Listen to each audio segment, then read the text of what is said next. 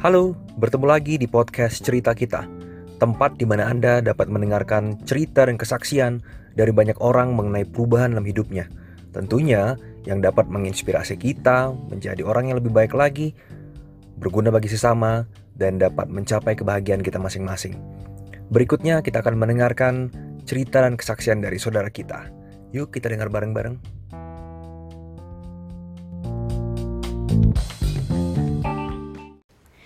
Hai, nama saya Sinli. Saya menikah pada tahun 2018 dan dikaruniai satu orang anak pada Oktober tahun 2019, tahun lalu. Pada awal pernikahan, saya dan suami merencanakan untuk menunda punya anak dulu.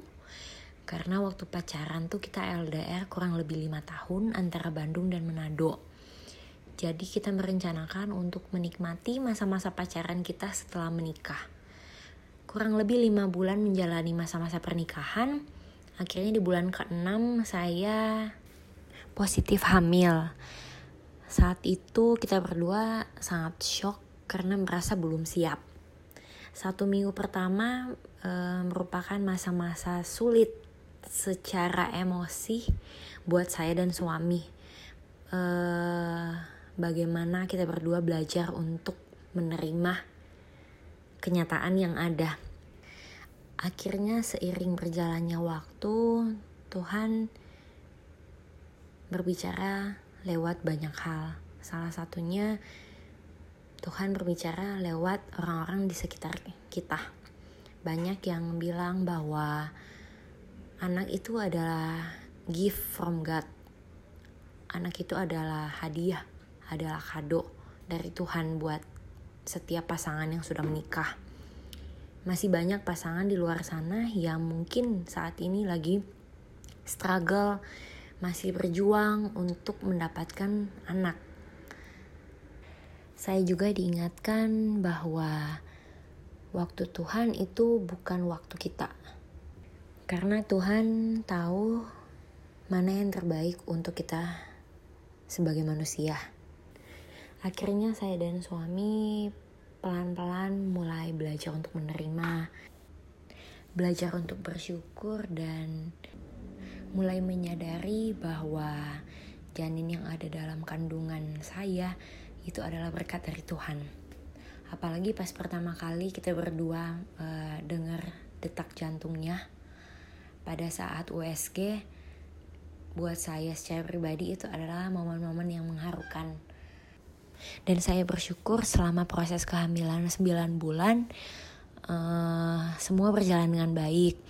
Saya nggak mengalami uh, masa-masa yang sulit di awal kehamilan. Karena biasanya pada saat eh, bulan-bulan uh, pertama itu sebagian besar ibu-ibu hamil akan merasakan yang namanya morning sickness. Jadi semua tergantung tingkat keparahannya masing-masing. Ada yang yang yang biasa aja, ada yang mual muntah sampai harus dirawat di rumah sakit.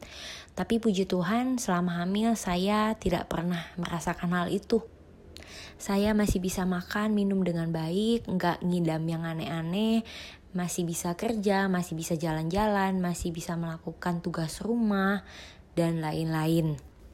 Tapi pada awal kehamilan saya bergumul dengan satu hal yaitu bingung untuk memilih apa saya harus lahiran normal atau operasi. Tapi dari awal saya lebih condongnya sih kelahiran secara normal karena kalau lahiran normal katanya uh, pemulihannya juga lebih cepat uh, terus rasa sakitnya cuman di saat mau melahirkan aja. Kalau operasi uh, pemulihan setelah operasi biasanya agak lebih lama. Tapi waktu itu saya berdoa kalau memang Tuhan mengizinkan untuk saya melahirkan secara normal biar semua proses kehamilannya berjalan dengan baik. Posisi bayinya keadaan bayinya keadaan saya sendiri juga baik dan puji Tuhan sampai uh, di minggu-minggu terakhir sebelum melahirkan pada saat check up semuanya juga dalam keadaan ba keadaan yang baik. Pada saat cek panggul juga kata dokter ukuran panggul saya cukup untuk bisa melahirkan secara normal Singkat cerita, pada minggu ke-39 jam 2 subuh, saya mulai merasakan seperti ada air mengalir seperti seperti air kencing dan mulai feeling kalau itu air ketuban. Dan saat itu saya langsung membangunin suami dan bilang kalau kita kayaknya harus segera cek rumah sakit. Uh, karena kalau benar itu air ketuban harus segera ditangani karena kalau lama ditangani bisa membahayakan keadaan bayinya uh, apalagi jarak antara rumah saya dan rumah sakit itu lumayan jauh. Nah akhirnya uh, jam 2 subuh itu kita ke rumah sakit. Pada saat diperiksa benar itu air ketuban. Dan saya harus stay saat itu di rumah sakit untuk uh, di follow up.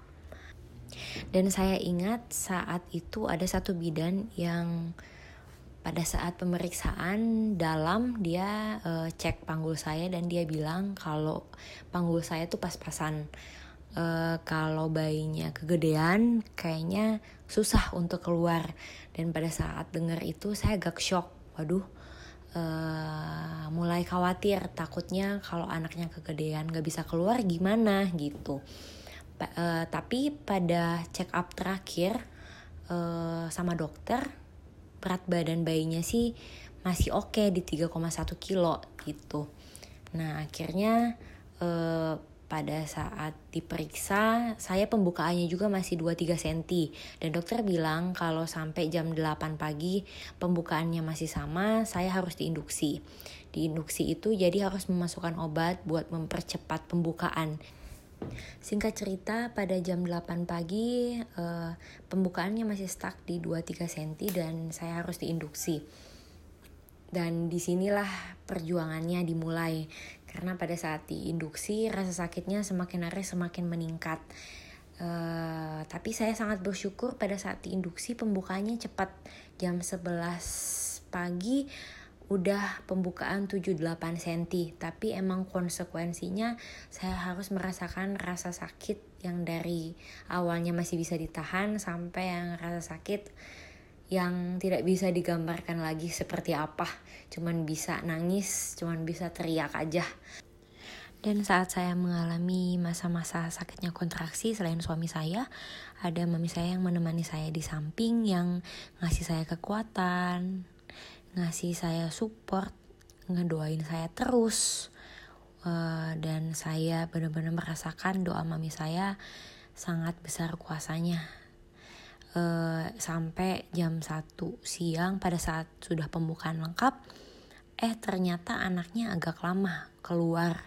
Dan saya waktu itu udah mulai gak tahan, udah mulai gak kuat untuk ngeden lagi. Tenaga saya udah habis dan akhirnya saya harus dibantu dengan alat vakum. Alat vakum untuk uh, membantu mengeluarkan bayinya. Dan puji Tuhan uh, saat dibantu vakum akhirnya bayinya bisa keluar dengan lancar, dengan baik. Bayinya juga sehat, langsung menangis. Dan satu hal yang mengejutkan saya yaitu berat badan bayinya ternyata 3,8 kilo itu benar-benar di luar ekspektasi saya yang pada saat check up terakhir berat badannya cuma 3,1 pas keluar ternyata 3,8 kilo.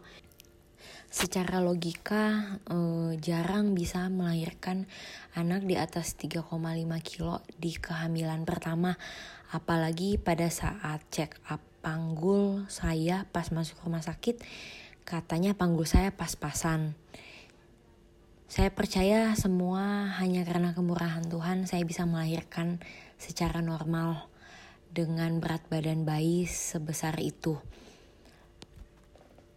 Yang saya mau saksikan di sini adalah uh, Tuhan baik banget dari awal kehamilan walaupun saya dan suami masih belum siap tapi uh, pelan-pelan Tuhan memproses saya dan suami. Hari demi hari semakin lebih dewasa lagi. Uh, belajar banyak hal belajar untuk bersyukur belajar untuk percaya bahwa waktu Tuhan adalah waktu yang terbaik. Waktu Tuhan bukan waktu kita. Tuhan tahu kapan yang terbaik untuk kita. Dan selama proses kehamilan juga saya merasakan penyertaan Tuhan, semuanya berjalan dengan baik sampai pada saat persalinan pun walaupun saya harus diinduksi, tapi saya percaya uh, pada akhirnya saya bisa melahirkan secara normal dan berat badan 3,8 kilo. Buat saya itu adalah satu mujizat yang saya alami. Mungkin saya nggak tahu apa yang sedang dialami setiap orang saat-saat ini, apalagi di masa pandemi seperti ini banyak banget yang terjadi, banyak banget perubahan, banyak banget uh, problem mungkin dalam finansial, dalam hal apa pun. Tapi lewat kesaksian ini yang saya mau sampaikan bahwa uh, Tuhan tidak pernah meninggalkan kita. Tuhan uh, selalu menyertai kita apa pun setiap kondisi kita. Yang penting kita percaya bahwa uh, Tuhan itu baik. Tuhan itu akan menyediakan setiap keperluan kita. Dan kalau ada masalah yang terjadi dalam hidup kita, uh, percayalah bahwa Tuhan pasti akan memberikan kekuatan untuk bisa melewati itu. Uh, ya mungkin cukup sekian kesaksian dari saya. Semoga memberkati.